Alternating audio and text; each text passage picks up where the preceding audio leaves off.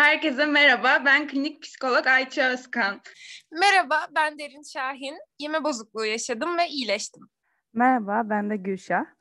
Ben de yeme bozukluğu yaşadım ve iyileştim. Aynı zamanda beslenme ve diyetetik öğrencisiyim. Merhaba, ben diyetisyen Zeynep Tuğtepe ve yeme bozukluğu sohbetlerini dinliyorsunuz. Bugün Derin'le birlikteyiz. Ben Gülşah, sesimden çıkaramadıysanız. E, duygusal yemeden, yeme davranışından biraz bahsedeceğiz ve tabii ki e, Derin'le ikimizin de uzun süre deneyimlediği yeme ataklarından, binge'ten bahsedeceğiz. Nasıl hissettiriyordu, nasıl tanıştık, devamında neler oldu gibi. E, konuya ben yeme eylemi nasıl başlar? Buradan bahsetmekle başlamak istiyorum.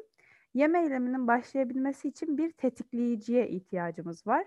Bu tetikleyiciler çevresel olabilir, biyolojik olabilir, zihinsel olabilir, duygusal olabilir veya sosyal olabilir. Çevresel tetikleyiciler bir yemeği görme, duyma, dokunma, koklama olabilir. E, sosyal medyada bir yemeğin fotoğrafını görmek mesela sizi çevres e, etkilediyse eğer çevresel, çevresel tetikleyicidir. Biyolojik olabilir açlık, susuzluk veya canının özel olarak o yemeği çekmesi de yeme eylemini başlatan biyolojik tetikleyiciler. Zihinsel tetikleyiciler bunun içerisinde tüm düşünmeyi e, sokabiliriz. Diyetteyseniz mesela ya çok yersem ya ipin ucunu kaçırırsam lar zihinsel tetikleyiciler veya ne yesem, akşama ne yapsam diye düşünmek de zihinsel tetikleyiciler içerisine giriyor. Duygusal tetikleyicilere ise her türlü duyguyu sokabiliriz. Her türlü duygu sizi yemek için tetikleyebilir. Sosyal kısmına gelirsek özellikle aileden işte tabağında bir lokma bile bırakma ya da sen diyettesin bunu mu yiyorsun gibiler yeme davranışınızı etkileyebilecek, yeme eyleminizi başlatabilecek tetikleyiciler. E, yemek yemenin mutlaka duygusal bir boyutu oluyor zaten. Her yani yediğiniz bir besin serotonin, dopamin seviyenizi arttırabilir, arttırır da. E, bu da sizi daha rahatlamış, daha heyecanlı, daha mutlu hissettirecek. Bu yüzden yemekle duyguları aslında tam olarak birbirinden ayırmak imkansız. Yani yediğiniz yemeğe illaki bir duygu eşlik edecek. Ya sizi rahatlatacak, iyi gelecek, daha iyi hissedeceksiniz. Bir takım duygular muhakkak eşlik edecek. Olumsuz duygular da olabilir, olumlu duygular da. Ee, ve şu anda yemeği sadece duyguyla değil birçok şeyle bağdaştırıyoruz. Yani sofralar etrafında sosyalleşiyoruz da. Bayram sofralarını, kutlama sofralarını düşünün. E, Luna Park alanlarını düşünün mesela her tarafta. Daha böyle e, insanların keyifle ye, yediği, e, tükettiği besinler olur.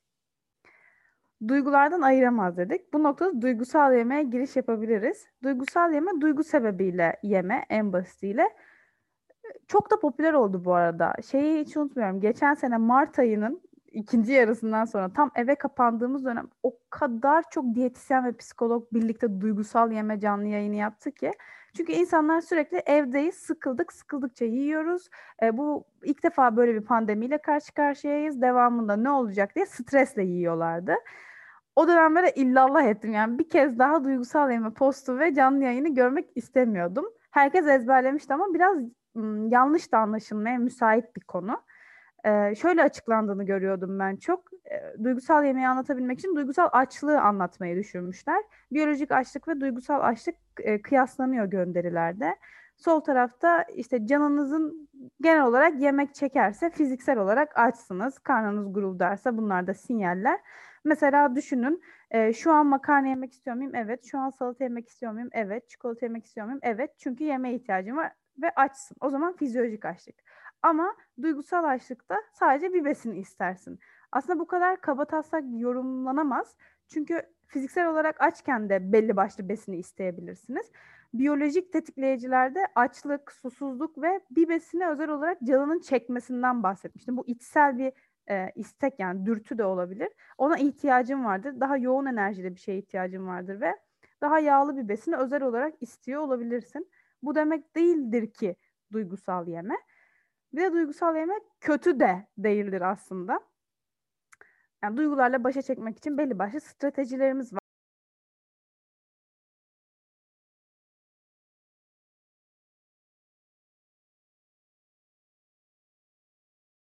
Ben e, sezgisel yemeden çok bahseden, o yaklaşımı çok beğenen biri olarak prensiplerinden birini tekrar hatırlatmak isterim duygularına başka yollarla da karşı çıkmayı öğren. Başka aktivitelerle de. İşte tam bu noktada duygusal yemede eğer duygularla başa çıkmada tek aracın yemek olursa o noktada sıkıntı diyebileceğimiz bir boyuta ulaşabilir. Çünkü duyguların tek karşılığı yemek yeme değildir. Sen bu amaçla kullanıyorsan ya da yemek yemeyi sadece duygulara karşılık vermek için kullanıyorsan o noktada kişiyi elbet rahatsız edecektir. Ben duygusal yemeyle en çok bu pandeminin başlangıcında haşır neşir oldum. Özellikle sosyal medyada. Sen ne düşünüyorsun Derin? Sence nasıl anlatılıyor? Duygusal yeme nedir? Kötü müdür? Duygusal yemenin e, sanırım patolojik noktaya geldiği veya binge eating'e döndüğü noktalar e, var yani, yani işte terapiyle iyileşmesi gereken noktalar ama genelde çevremde gördüğüm duygusal yeme olarak adlandırılan şey aslında gayet dediğim gibi doğal olan, normal olan bir yeme biçimi aslında. O yüzden yanlış e, kullanıldığını düşünüyorum. E, duygusal yemeyle benim de ilişkim şu şekilde. E, ben iki yıl boyunca binge eating yaşadım ve e, binge eating disorder e, çok fazla bilinmiyordu. Yani şu anda da belki o kadar bilinmiyordur ama 2-3 yıl, ön, 3 yıl önce aynen o zaman çok daha az biliniyordu ve sürekli benim aslında yaşadığım şeyleri internete yazdığımda karşımda çıkan da duygusal yemeydi. Çünkü benziyor aslında o tanımlamalar binge eatingle. E, ve ben kendimi iki yıl boyunca duygusal yiyici olarak gördüm. E, fakat şu anda yeme bozukluğundan yüzde yüz iyileştiğimi söyleyebilecek biri olarak e, şunu söyleyebilirim. E, şu an duygusal yeme yaşıyorum mesela ben. Ve e, bazı günler e, kendime göre topluma e, göre değil. Ama kendime göre normalden fazla yediğim zamanlar, benim normalime göre fazla yediğim zamanlar oluyor. E, ve bunu fark ediyorum evet streste olduğumda. Özellikle spesifik noktalar var mesela işle ilgili şeylerde. Bunu yapıyorum. Ama bununla e, yine kendime şefkat göstererek mücadele ediyorum bir şekilde. Bir noktaya kadar onunla mücadele etmiyordum. Bilinçli bir şekilde de yapıyordum bunu. Evet şimdi stresliyim, bana iyi gelecek, çikolata yiyeyim diyordum. Ama şimdi de aslında tamamen, hani bu çok korkunç bir şey gibi değil ama neden daha iyi bir mücadele yöntemi, e, stresle baş etme yöntemi bulmayayım? E, ve bunu yapmaya, uygulamaya başladığımda gerçekten azalmaya başladı duygusal yeme olayım. Ee, işte diyorum ki tamam neden strese girdiğimi düşünüyorum neler? O anki ruh halime odaklanıyorum kendimi rahatlatmaya çalışıyorum. Aslında gerçekten e, internete baktığınızda da bunlar var. İşte meditasyon bir yürüyüş yapın. Gerçekten iyi geliyor aslında bunlar. Ama ben bunları binge eating yaşarken yaptığım zaman asla işe yaramıyordu. Ee, o yüzden ikisinin ben çok bambaşka şeyler olduğunu düşünüyorum. Bu şekilde. Kesinlikle bambaşka şeyler. Ben bunların bambaşka şeyler olduğunu düşünüyorum da biliyorum da aslında. Yani bambaşka şeyler. Yani binge dediğimiz şey trans halinde kısa bir sürede e, normalde yiyemeyeceğiniz miktarda yemek yemek. Duygusal yeme iki kare çikolata olup yani iki kare çikolatayla da duygusal yeme yaşayabilirsiniz. Bir paketle de veya salatayla da duygusal yeme yaşayabilirsiniz. Binge'de de belli bir besin yoktur. Sadece bazen tetikleyici besinler daha çok eşlik ediyor olabilir. Ee, ben o noktaya değinecektim çok iyi oldu. Biz derinle iyileştik diye bahsediyoruz ya, iyileştiğimize inanıyoruz. Ee, bende de duygusal yeme var hala. Çok normal çünkü biz bozuk yeme davranışlarını iyileştirmeye odaklandık ve duygusal yeme bir bozuk yeme değil. Yani bir bozuk yeme davranışı değil. Doğal olarak hala o hayatımızın bir parçası. Ee, ama ben de duygularımın çok büyük bir kısmına yemeyle karşılık vermiyorum. Bu tabii ki bilinçli yani bu konuda bilinçli olmakla alakalı, farkındalığın artmasıyla alakalı, çabayla çok alakalı. Eğer duygusal yeme üzerine çabalamasam yine duygu e, yemeyle cevap vermek daha kolay olacaktır. E, tabii ki çok fazla aktivite var.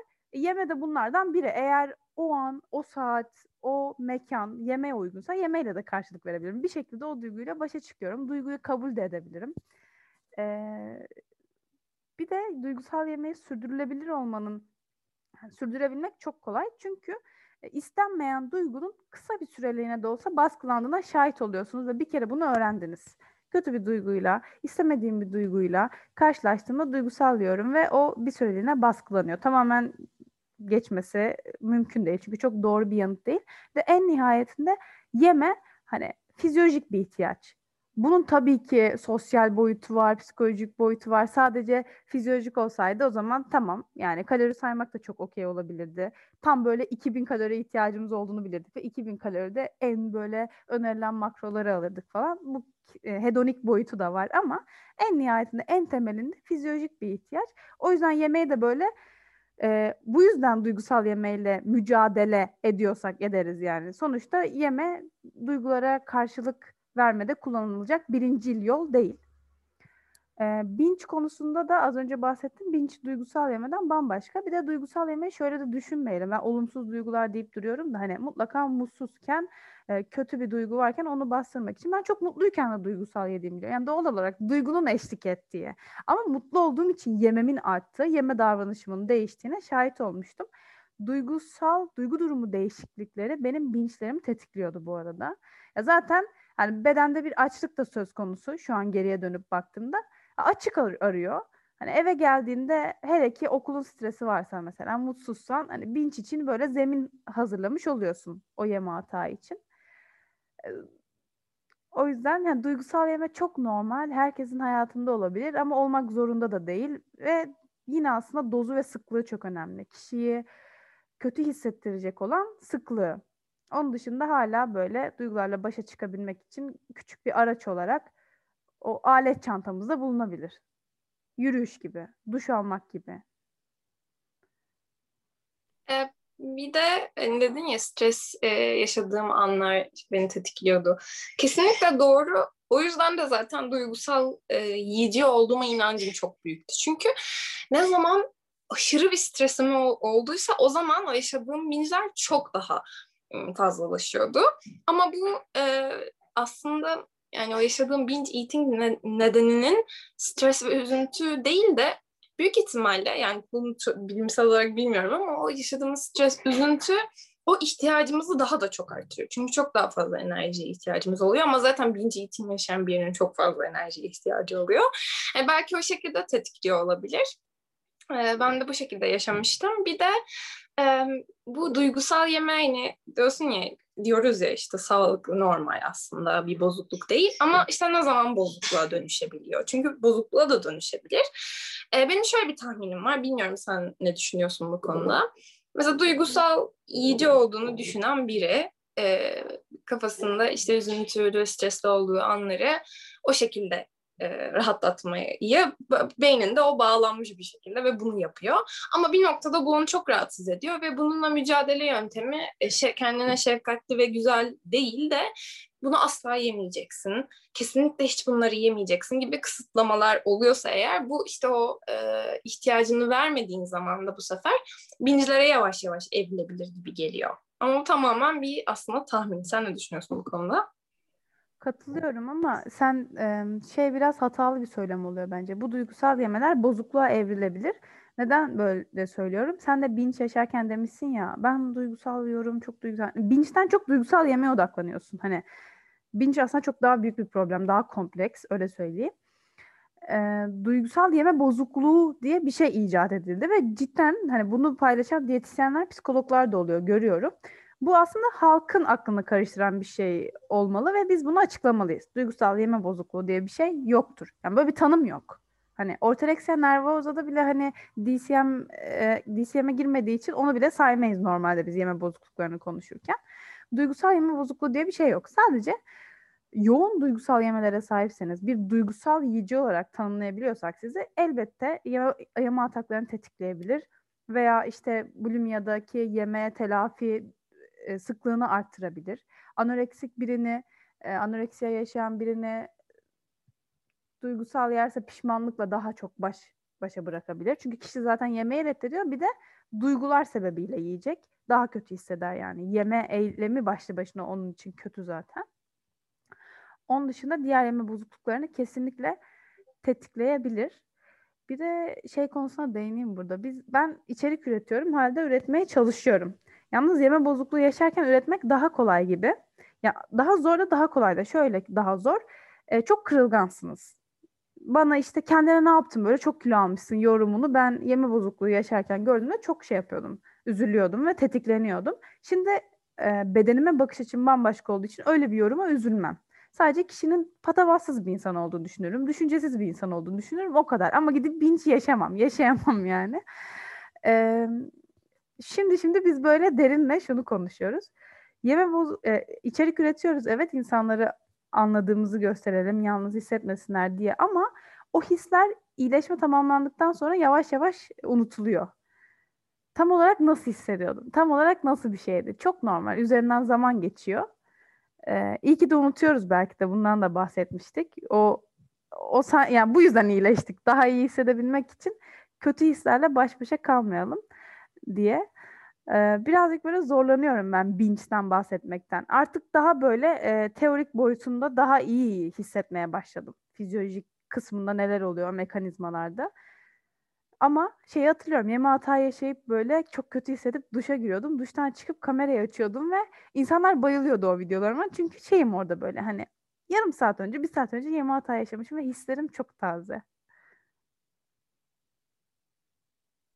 Aynen öyle ve ben geçen işte bunun farkındalığına varıp Gülşah'a takdir etmiştim. Çünkü hani evet konuşuyorum ben de anlatıyorum e, tanıdığım tanımadığım herkese ama bunları yapabilmem iyileşmemle birlikte oldu. Hani iyileşmeden bunları yapabilmek gerçekten takdire şayan bir durum. E, ama işte bir şekilde bu farkındalığı arttırdığımız zaman da herkes her zaman bunu paylaşabilir olacak. Buna inanıyorum ben. E, işte bunu konuşuyorduk ve dedik ki hani hatırlamamaya başladık. E, ben açıkçası bana insanlar bu problemi tekrar anlattığı zaman hatırlıyorum birebir. O an böyle yaşıyorum ama sonra hani aklıma gelmiyor. Unutmaya başladım gibi. Dedik ki bunun hakkında konuşalım. Hani nasıl hissediyorduk o zamanlar tam olarak? Neler yaşıyorduk diye. Başlamak ister misin Gülşah? Sen e, mesela ilk bincini anlatabilirsin belki. Tamam. İlk bincim... Um Şimdi böyle çok hatırlamıyorum. O eski zamana dair birkaç tane var. Onlardan biri ama hangisi bilmiyorum. Ee, üniversiteye yeni başladım. Manisa'dan Ankara'ya gittim ve ilk defa ailemden uzakta kalıyorum ve yeni reşit oldum falan böyle. Sonra çok heyecanlıyım ama bir yandan da ilk Ankara'ya gittiğimde ben Ankara'ya ısınamamıştım, sevememiştim. Bu arada yeme e, yeme bozukluğu yaşamıyordum ama e, ciddi bir diyetçiydim ve kronik diyetçiydim. E, küçüklüğümden beri diyet yapıyordum ve 100 kilodan 60 kiloya düştüm. 40 kilo verdim. En başarılı benim ve iyi bir diyetisyen adayı olacağım diye gidiyordum. Çünkü ben obezleri anlayacağım. Şişman psikolojisini anlayacağım. Hep böyle düşünüyordum ve çok gurur duyuyordum kendimle. Hep arardım yani bir şey olsun, kilo muhabbeti olsun, ne okuyorsun densin ve 40 kilo verdiğimi anlatayım. Çünkü en büyük başarım falan. Böyle biraz üzülüyorum şu an ama. Ee, sonra şey olmaya başladı öğrenciyim sonuçta. Anne yemeği yok. Eskisi kadar e, diyetçi de olsam hala yemeklerimi kontrol edemiyorum. Ama yine kalori sayayım. Niye? Çünkü niye 1-2 kilo daha vermeyeyim? Çünkü hep en ince, daha ince, daha ince. Yurttayken de bunu yapabilirim dedim. Ee, yürüyüş yapmayı her zaman çok severdim ama o zaman böyle e, yurdumla okulumun arasında 5 kilometreydi ve hava güzel olursa mutlaka yürümeliydim. Yürümezsem kötü hissediyordum falan. Ama bu şey kötülüğü değil yani. Bildiğin hani beceriksizim. Niye bu sefer yürümedim? Niye otobüse bindim kötülüğü? Kötü hissetmesi. Sonra yine kalori saymaya başladım. 1500 belirlemiştim kendime. Bu arada yani bu bile tetikleyici olabilir şu an bu sayıyı söylemem ama 1500 gerçekten az bir sayı ve düşünün yani sadece okula gitmek için 5 kilometre yürüyorum. Bazen okuldan çıkıp spor salonuna gidiyorum. Aktifim yani. Şimdi olsa X kalori yerdim demeyeceğim ama çok daha fazlasını yerdim. Ben bazal metabolik hızımın eşiğinde bir yemekle beslenmeye çalışıyordum. Bunlar sonucunda şimdi görüyorum ki zaten yeme hatayı yaşamamak çok kaçınılmazmış. Ya yemeği daha fazla reddedip metabolizma hızımı düşüre düşüre e, aşırı zayıflığa ve anoreksiya nervozaya doğru bir yol alacaktım. E, direkt yeme bozukluğuna sahip olacağım veya olmayacağım ama ona benzer bir yola girecektim ya da yeme atakları yaşayacaktım. Bir şekilde o yeme bozukluğundan birine sahip olmam kolaydı yani. Zaten yıllardır diyet yapıyorum. Yurtta yeme hata yaşamak çok zor. Odam dört kişilik ve bunu gizli yapmam lazım ve yeme hata diye bir şey bilmiyorum. Mike Dove'un e, Yeme Bağımlılığı diye bir kitabı var. Ben artık yeme bağımlısı olduğumu düşünmeye başlamıştım. E, çünkü çok yemek düşünüyorum. E çünkü açım da yani. Yemek düşünmek zaten bir açlık belirtisi ama ya, bilmiyorsun ki bunları yani. Kendini suçlamaktan başka bir çaren yok. Ee, gece herkes uyuyunca falan işte yurdun mutfağında gizli gizli ekmek, reçel ama böyle reçel dünyanın en kötü reçeli ellerimden falan akıyor böyle. O zaman fark ettim. Çünkü ellerim falan titriyor. Trans halinde hiçbir şeyi kontrol edemiyorum. Hani o an elime tele- birisi arasa telefonu açamam. Çünkü ellerim pis, kulağım sürekli müdürün odasında biri gelip beni görmemeli ve hani ola ki bir şey oldu, deprem oldu. 100 kişi aşağı inip beni görür. hani çok gizli yemelerdi bunlar tabii. Benim avantajım şuydu. Binge nedir bilmiyorum ama direkt yeme bağımlılığı olduğunu düşündüğüm için o kitabı satın alıp okuyup sonra da o kitabı okurken de bayağı rahatlayıp yeme hata yaşamıyordum. İyi geliyordu okumak. Bu konu hakkında bir şeyler okumak. Ee, yurt odasında oturup ağlaya ağlaya iki tane oda arkadaşıma anlatmıştım. Bakın ben gerçekten çok iradeliyim. Bakın ben gerçekten diyet yapabiliyorum. Ama niye böyle oluyor? Hani o kiloları ben vermedim mi? Bir de ya bana şey korkusu da var. Kilo alırsam bu şekilde aşırı yemelerle başarısız diyetisyen olacağım. Bu da dayatılıyor çünkü beslenme okuyorsun yani ve sürekli etrafta kilo muhabbeti ister istemez dönmeye başlıyor. Bir diyetisyenden yardım aldım ee, yine ona uymaya çalışıyorum. Düşük karbonhidratlı bir diyet yazılmıştı bana. Ee, sonra diyetisyenim Gülşah senin duygusal yeme problemin var. Ondan sonra bir psikologdan yardım al demişti. Ben de utanıyordum böyle aşırı yediğim zaman. Diyetisyeninden gizlemiyordum ama gizli yiyordum yani. Etrafındaki insanlardan gizli yiyordum. Sonra peşini bırakmadım. E, diyetisyenin beni anlamadığını fark ettim çünkü. Hani şey oldu. Sende duygusal yeme problemi var. O yüzden seninle diyet yapamıyoruz. Yine ben böyle hatalı etiketini yedim yani. Sonra birkaç e, uzmanla görüştüm ve hangi kitapla? Yine yeme bağımlılığı kitabını alıp psikiyatra gittim ve o dedi. Bahsettiğin şey bir yeme bozukluğuna bahsediyor, benziyor. İşte tıkınırcasına yeme bozukluğundan bahsetti. Sonra beni diyetisyene ve psikoloğa yönlendirdi. Ondan sonra yine iyi bir uzman yardımı alamadım ama yeme hatayla böyle tanıştım kendime yardımım daha çok dokundu bu arada uzmanlardan daha çok. Çünkü e, iyi uzmana doğru zamanda ben ulaşamamıştım. Böyle tanıştım.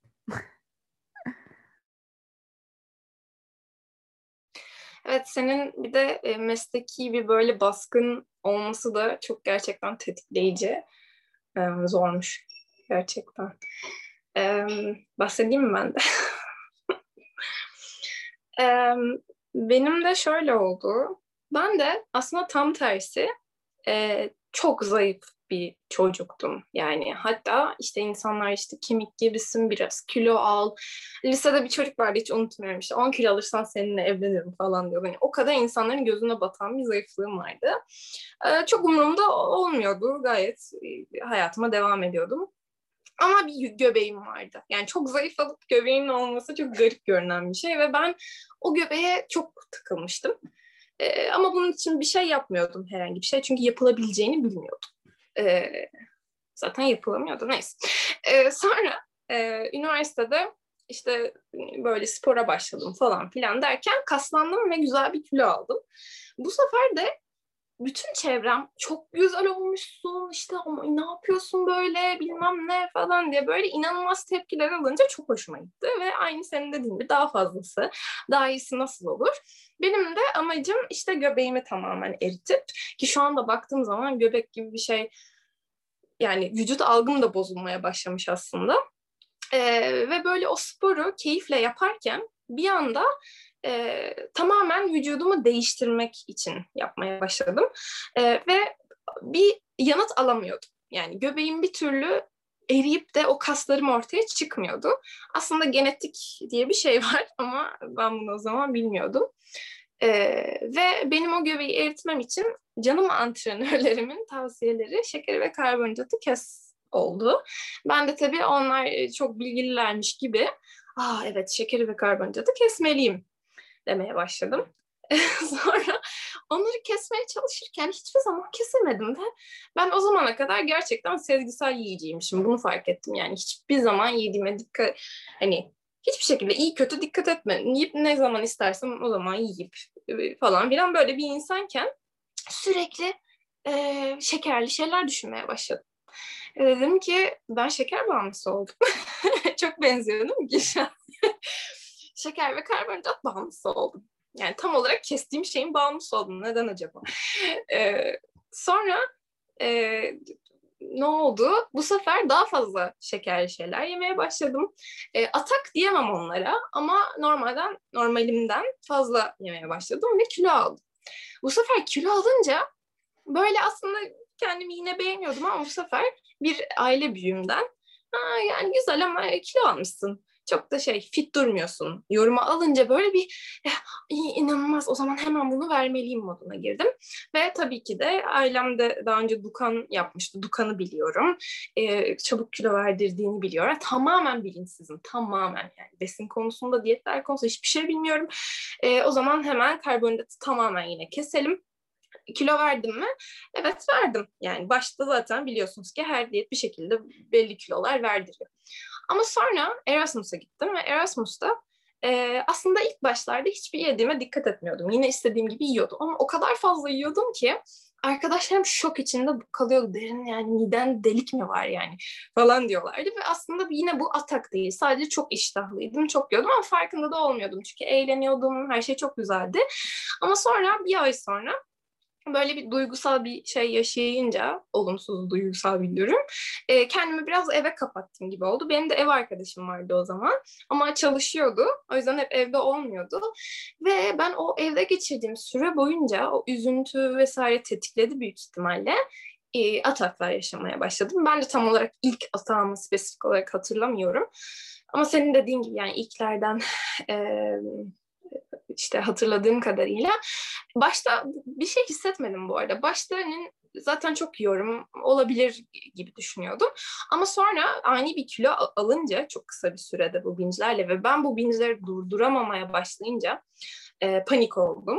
Dedim ki ben böyle yemeye devam edersem herhalde çok kilo alırım, çok işte kimse beni beğenmez. Çünkü bir de şöyle bir şey vardı bende. E, bu da çok şeffaf anlatıyorum. Belki bunu yaşayanlar e, vardır diye.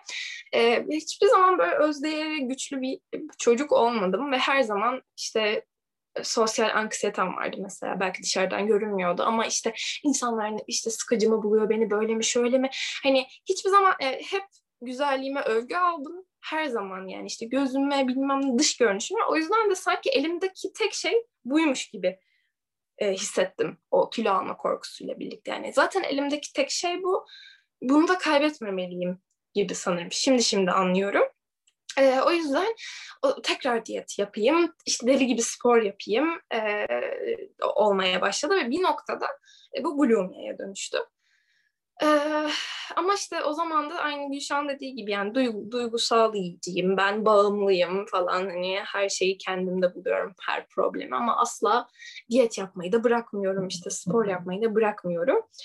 Ee, bu şekilde bir iki yılım geçti. Ee, tam olarak his olarak da dediğim gibi başta çok algılayamadım ama bunu durduramamaya başlayınca iradesiz olduğumu düşününce işte e, kendime çok yüklenince ya, hayatımda yaşadığım en kötü deneyim gerçekten. E, yaşamayan anlamıyor maalesef.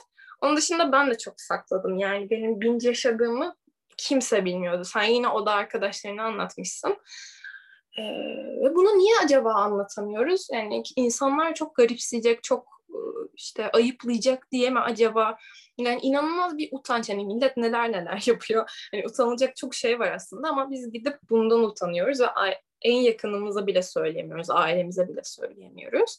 Yani benim ilk ben ilk anneme söyledim ve bir buçuk yıl sonra söyledim. Bir buçuk yıl kendi kendime bununla debelendikten sonra anne artık ben dayanamıyorum böyle böyle ve sonra yardım almaya başladım. Keşke daha önce söyleseymişim ama işte o yoğun utanç e, duygusunu çok iyi biliyorum. Yani şimdi mesela şimdi de konuştuğum e, kızlar oluyor. İşte diyorlar söyleyemem. Diyorum ki bak söyle işte annene söyle. E, senin söylememenden çok daha iyi olacak. Üzülecek belki ama yani senin tahmin ettiğin kadar üzülmeyecek bir çözüm bulmaya çalışacaksınız. Asla söyleyemeyen e, kişiler oluyor ama çok iyi anlıyorum. Yani ne kadar o söyleyememenin zorluğunu çok iyi biliyorum. Ve işte o bince yaşamak zor dediğin gibi yani işte çöplerini bile saklıyordum mesela yediğim şeyleri. Hani görürsün ve mesela bir kere görmüştü böyle çöpe garip garip bakmıştı. Derin bu kadar çok mu şey yedin? E bu tepkiyi de alınca e, tahminin doğrulanmış oluyor. Evet bu çok anormal bir şey diyorsun. O zaman hiç söylememeliyim. E, bu şekilde. Ee, neden bu kadar utanıyoruz? Aslında utanılması gereken daha farklı şeyler veya insanlar neler neler yapıyor utanmıyor. Mesela zorbalık yapıyor ve bunu keyifle anlatıyor. E, taciz, tecavüz vakalarını belki kendi ortamında yani kendi yaptığı taciz, tecavüzcü bunu bayağı gerinerek anlatıyor falan. Hani çok kötü şeylerden bahsediyorum. Biz fazla yiyoruz diye utanıyoruz. Bir de şu var. Bu zorbalık yapan insanlar falan zaten çevresinde bilinir yani onu yapacak tiptedir. Ama binge, bulimia gibi şu an aktif olarak yaşayan insanların geçmişin, geçmişinde çok başarılı diyetçilerdi. Sen de diyorsun ya diyet önerirdim falan. E ben beslenme diyeti okuyorum. Onun öncesinde çok başarılı bir diyetçi olarak tanınıyorum. Yaşadığım yer benim kasaba ve böyle e, köy düğünlerinde ben artık çok iyi kilo veren kız olarak tanınmıştım. Yani böyle tanımlanmışım. Şimdi kimliğimle ters düşeceğim. Anladın mı? Hani çok yediğimi söylersem. Bu yüzden de ekstra utanıyoruz. Ee, ben de utandım. Utanmadım değil ama şu an geriye dönüp baktığımda ben çok az utanmışım. Çünkü yaşadım, ne olduğunu anlamadım. Yeme bağımlılığı sandım. Oturdum böyle yurt odasının ortasında ağlaya ağlaya arkadaşlarıma anlattım. Ya kızlar da bakıyor. Ha anlıyorum çok kötü. Anlamıyorlar. Anlamadıklarını ben de biliyorum. Onlar da biliyorlar. Benim bildik, bildiğimi de biliyorlar ama ben dinlemiş olmaları bile çok kıymetliydi. Sonra e, işte okulumun yanında bir devlet hastanesi vardı. Oradaki psikiyatristi anlatmak çok iyi gelmişti. Diyetisyeni anlatmıştım. Yok bence sende duygusal ay, o da aynısın dedi. Niye diyetisyenler bunu diyor arkadaşlar? Biz öğreniyoruz yeme bozukluklarını müfredatımızda var. Aksine duygusal yemeği hiç konuşmuyoruz. Diyetisyen bana şey demişti. Ya bence senin yeme bozukluğun falan yok. Biraz duygusal diyorsun. Ben de sıkılınca yiyorum. Ama bak çekmeceme çikolata yok kuru kayısı var falan dedi. Çok sıkılınca şöyle bir hastanede dolaşıyorum. Sonra dedi kuru meyve yiyorum mesela. Ben de dedim ki onun çok basit bu söyledikleri. O kadar korkutucu değil. Biz hemen ilk hafta böyle hızlı kilo verdik. Ee, ben çok mutlu oldum. Diyetisyen beni sorguladı. Bak yazdıklarımdan az yemedin değil mi diye. Hayır diyorum diyetisyen hanım ben annemin böreklerinden de yedim zaten sömestr'daydım falan diyorum böyle ama binç yaşamadığım için o dönemde diyete tekrar çok güvendim ve rahatladım biraz. Binç yaşamadığım için ister istemez kilo kaybetmiştim. Ee, ve YouTube işi. Ee, yeme bozukluğu yaşarken içerik paylaşmak biraz riskli. Bir, çevreden alınan tepkiler kişiyi çok fazla tetikleyebilir. İki, siz de tetikleyici içerik üretebilirsiniz. Çünkü sağlıklı bir kafa yapısına değilsiniz. Ben çok korkuyorum tetikleyici şeyler söylediysem diye. Söylediysem de artık insan olmanın bir hatası diye kendimi affediyorum burada.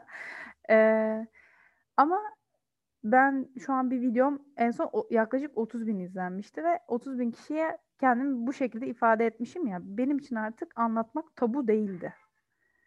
O yüzden YouTube bana bu noktada yardım etti. Çünkü anlattım ve insanlar dinledi ve e, bu YouTube videosu bildirimi beni takip eden komşuma da gitti, akrabama da gitti, sınıf arkadaşıma da gitti. Herkes biliyordu ve etrafımdaki insanlar az biraz e, duyarlı olduğu için bu kız böyle videolar çekiyor biraz hassas olayım diyebiliyorlardı muhtemelen. Öyle de bir faydası oldu benim için anlatmanın bir de şey diyorsun ya hani e, yok canım ben de yaşıyorum aynı şey kayısı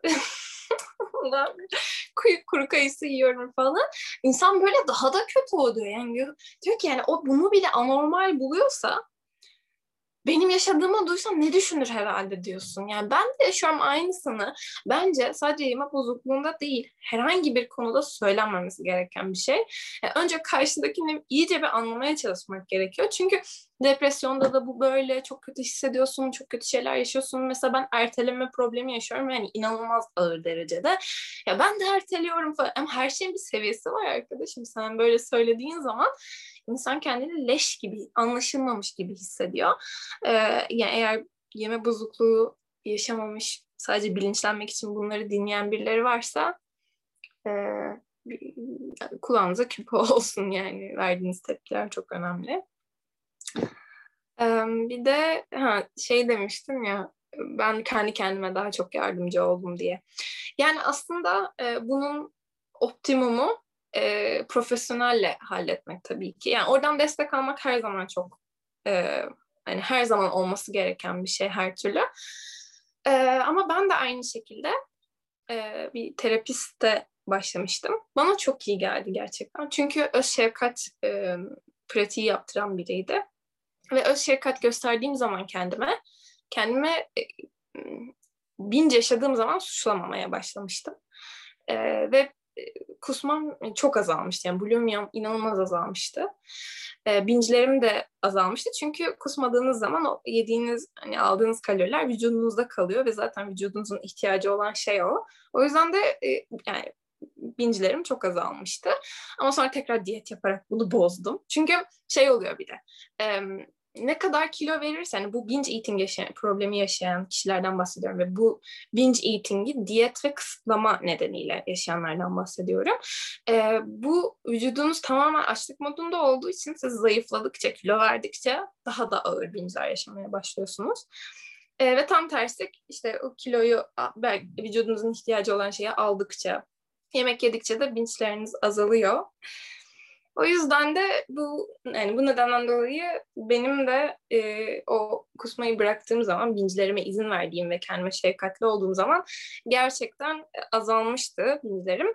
Ama e, yine de psikoloğumun bu e, binge eating ile ilgili yeterli bilgisi olmadığı için tamamen psikolojik nedenlerle bunu yaşadığımı düşündüğü için e, bana bir noktaya kadar yardımcı olabildi. Ben yine binge'lerime devam ediyordum. E, sonra işte bu sezgisel yeme all in işte YouTube videolarıyla karşılaştım ve e, kendime işte tamamen izin vermeye başladım. Diyet yapmayı bıraktım falan. Ee, sonra hatta psikoloğumla konuşmuştum ama e, anlatamadım, anlamadı. Çünkü kendi bilgileri onun için daha doğruydu. Daha erken izin verseydim kendime daha çabuk iyileşirdim. Baktığında doğru gibi ama e, sana bunu çok iyi anlatan bir uzman yoktu ve deneyerek öğreniyordun. Onu da yani her bir binç o kadar kıymetliydi ki ben bunu kabullendikten sonra da çok şey öğrendim. Tamam bu da bir deneyimde e, olabildiğince az pişmanlık yaşayıp bir sonrakinin e, daha fazla daha uzakta olabilmesi için yani seyreltebilmek için ne yapmalıyım? Bu sefer neyi hatalı yaptım? Yeni bir diyete mi başladım? Fark etmeden yetersiz mi beslendim? Duygularımı kontrol mü edemedim? Neyse artık sürekli böyle yazar çizerdim. Yazmak çok iyi gelirdi bana. E, gün sonunda yazardım duygularımı, tetikleyicilerimi. Hala da böyle denk geldiğinde çok duygulanıyorum.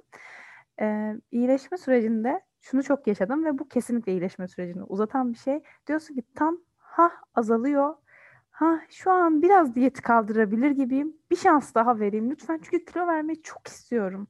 Çünkü ben yeme ataklarıyla kaç kilo aldım ya? Şu kadar ayda kaç kilo aldım? Sürekli aklımda bu dönüyor. Yani yeme bozukluğunun doğası bu ya. Akılda dönecek bu kilo, beden, besin. Bence benim hala tamamen hiç yaşamamış bir insana göre doğal olarak daha fazla besin, beden aklımda oluyor. Sadece onları yönetebiliyorum artık. Sadece hayatımın %90'ını kaplamıyor artık. Sağlıklı bir boyutta yani. yani iyileşmenin de getirisi bu tabii. Bir de ufacık düzeltmek istediğim bir nokta var. Şuraya not almıştım. Sen şey demiştin işte o lisede zayıf olduğun dönem var ya tam bir sezgisel yiyordum. Hiç düşünmüyordum falan. Bu bir tık böyle şey hani sezgisel yiyen hiç düşünmeyen yiyici değildir. Bilinçli de yer sezgisel yiyici. Bunu sezgisel yeme olarak öğrendiyse sonra da hani ne bana iyi geliyor e, şu saatte şunu yiyeyim çünkü şu işimden sonra e, bunu yemek için uygun açlıkta olurum gibi çıkarımlar yapabilir sezgisel yiyici. Veya güne mesela kişinin insülin direnci var. Güne direkt meyveyle başlamak beni sonrasında çok acıktırıyor. Acıkmak kötü bir şey mi? Hayır ama mesela tuvalete çıkmak nasıl bir ihtiyaç, yemek yemek bir ihtiyaç ya. Sürekli tuvalete çıkma isteği duyarsanız bu bir hastalık belirtisi olabilir ve sizi rahatsız eder. Sürekli yemek yemeye ihtiyaç duyarsanız da yine rahatsız eder. Zihninizi meşgul eder, işinize konsantre olamazsınız. Mesela insülin direncine sahip biri sezgisel yeme yaklaşımını öğrenirken güne direkt meyveyle başlamak benim kan şekerimi kontrol etmemde beni zorlan, zorluyor. O yüzden farklı alternatiflere yöneliyorum. Belki de lisedeki derin bu çıkarımı yapabilecek kadar besin bilgisine sahip değildi. Ha ama yine fizyolojik sinyalleri çok iyi dinliyordum mesela açlık ve tokluk. Evet aslında sezgisel beslenmenin bir parçasını yapıyormuş. Haklısın yani şimdi düşününce çok e, düşünmeden söyledim o lafı. Sezgisel yeme çok daha komplike ve çok daha aslında öz şefkat içeren bir beslenme biçimi bence. Çünkü tamamen vücudunu, işte ruh halini düşünüyorsun. Çok gerçekten çok güzel. Yani o zaman bunları düşünmüyordum sadece ve yemek benim e, hayatımda beni kötü veya iyi etkileyen bir şey değildi. Yani dediğin gibi fizyolojik dinliyordum, işte aynı zamanda psikolojik de yani duygusal yeme olan şeyler de yaşıyordum bence. Çünkü e, yine böyle yani sadece bunun farkında değildim ve bu beni kötü etkilemiyordu. Ama evet kesinlikle sezgisel yeme değil. Teşekkürler zaten. Yani şey o 10 prensibin onuydu da yoktu belki. Hani sezgisel yeme olarak tanımlanan yeme modelinden bahsedince. Ama böyle hiç diyet yapmamış çok insan vardır. Acıkınca yer, doyunca durur. Keyif içinde yemekleri kullanır.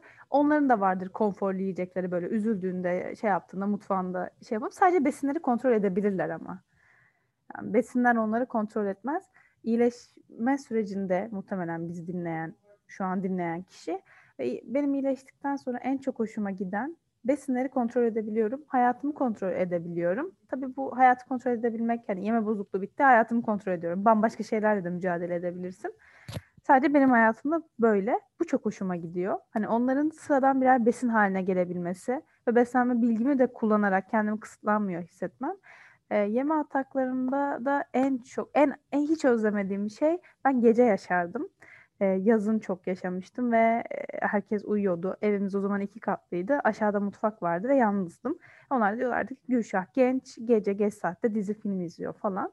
Bir de vegandım ben o zaman. E, sabah yiyemediğim kekin veganını gece yapıp tıkınırdım ve 12 kişilik tarif yapardım ve kalıntı kalmasın diye hepsini yerdim falan. Yakalanırdım da bazen bir şeyler söylerdim. En en en en, en özlemediğim sabah e, koyu bir idrar, susuz bir ağız ve ayak tabanlarımda ödemle uyanmak. Bunu hiç özlemedim. Ama bu hisler de, bu fizyolojik getiriler, e, semptomlar hepsi geçebilir. Umarım siz bizim zamanında ulaşamadığımız e, gerçek, kaliteli uzman yardımına ulaşabiliyorsunuzdur.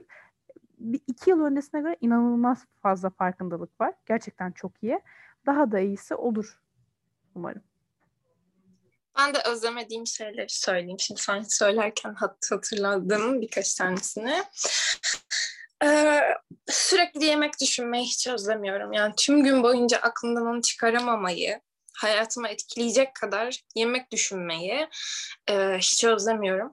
Hatta öyle bir noktaya gelmiştim ki şey diyordum yani çünkü fiziksel açlık ve tokluk sinyallerimi kaybetmiştim. Tamamen e, psikolojik yaşıyordum. Diyordum ki yani fiziksel aç olayım. Bu kadar yiyeyim umurumda değil. O kadar özlüyordum ki fiziksel olarak aç olmak. O kadar büyük bir şeymiş ki aslında. Kaybedince anlıyorsun ve bunu kimse anlamıyor yaşamaya. Çünkü çok zor anlaması. Çünkü yani susamak, düşünsene yani susamamayı yaşıyoruz da ne bileyim ya benim hiç uykum gelmiyor asla gelmiyor pek anlayamayabiliriz belki hani gibi bir şey yani çok zor anlaması. E, ve psikolojik açlık yaşamayan biri için de çok zor bence. E, çok zordu yani. yani fiziksel değil de sadece psikolojik açlık yaşamak. Bunu hiç özlemiyorum. E, sürekli ne yiyeceğim diye düşünmeyi e, ve yiyeceğim her şeyin kısıtlı e, ve diyet yemeği olmasını hiç özlemiyorum. Ee, senin dediğin gibi ödem toplamayı da hiç özlemiyorum. Ama ödem bu arada iyileşme döneminde olan bir şeydi ama işte e, sürekli kısıtlama yapmayıp hani buna izin verdiğin zaman o ödem aslında vücudu iyileştiren bir şeymiş. Yani o sürecin bir parçası onu kabul ettiğin zaman o kadar rahatsız edici olmuyor ve sonra da geçiyor zaten ama sürekli bu işte kısıtladım, kilo verdim, tekrar aldım olunca sürekli bir ödem olma, inme, ödem olma, inme gibi şeyler devam ediyor. Dikkat öncesinde yeme bozukluğuna göre e, bulimia da mesela iyileşme döneminde ödem tutmak çok daha beklendik bir şey. Çünkü kusma yoluyla, e, müsil yoluyla fazlaca su kaybediyorsunuz. Binçte böyle bir şey yok. Yemek, şeker, karbonhidrat, enerji hepsini alıyorsun ama çıkışı yok vücuttan. Ve fazla fazla su tutuyorsun. Bu sefer bedenin çok daha şiş oluyor ve rahatsızlık verici bir ödem oluyor. Böyle uyandığımda ayaklarımın altında hissederdim. Özellikle ayaklarımın altında. Bu kişiden kişiye de toplanacak bölgede biraz farklılık gösterebiliyor. E, bulimiyada dediğim gibi müsil kullanımı veya kusmayla birlikte su kaybediliyor. İyileşmede e, binç kusma azalınca e, yemek yeme biraz fazla olacak. Çünkü kısıtlayıcı bir e, düşünceden ve beslenmeden çıkıyor. Koşulsuz izin vererek yiyor. Ama bu sefer çıkışı yok. Binç olmasa da iyi miktarda yemek yeniyor ve çıkışı yok. O yüzden ödem tutmak çok normal. Benim söyleyeceklerim bu kadar galiba bugünlük. Benim de bu kadar. Bence çok keyifliydi. Çünkü bu zamana kadar hani ne yaşadığımızdan çok bunun ne olduğunu işte e, başka konulardan bahsetmiştik. Ama bunu böyle bir tık atladık gibi geliyordu.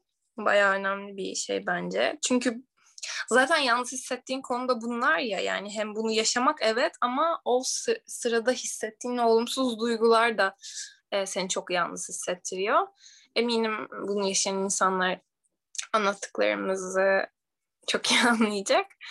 E, ve umarım size iyi gelir. Umarım e, iyileşme yolunuzda sizi motive eder. E, teşekkür ederiz bizi dinlediğiniz için. Ben de kendi adıma çok teşekkür ederim. Benim de çok içime sindi. Beklediğimizden uzun oldu. Çok da güzel oldu bence. Umarım keyifle dinlemişsinizdir. Hoşçakalın sonraki bölümlerde. Hoşçakalın. Görüşmek üzere. Görüşmek üzere.